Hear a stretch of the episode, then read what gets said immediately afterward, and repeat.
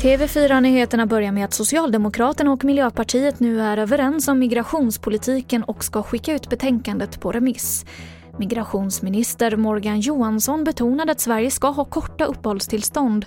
Samtidigt så föreslås lättnader i gymnasielagen.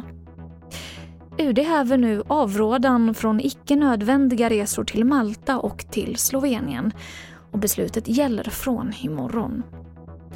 Och jag avslutar med att berätta att idag så presenterades årets Nobelpris i kemi. Kungliga Vetenskapsakademien har beslutat att utdela 2020 års Nobelpris i kemi gemensamt till Emmanuel Charpentier och Jennifer Doudna för utveckling av en metod för genomeditering. Det sa Göran K Hansson vid Kungliga Vetenskapsakademin.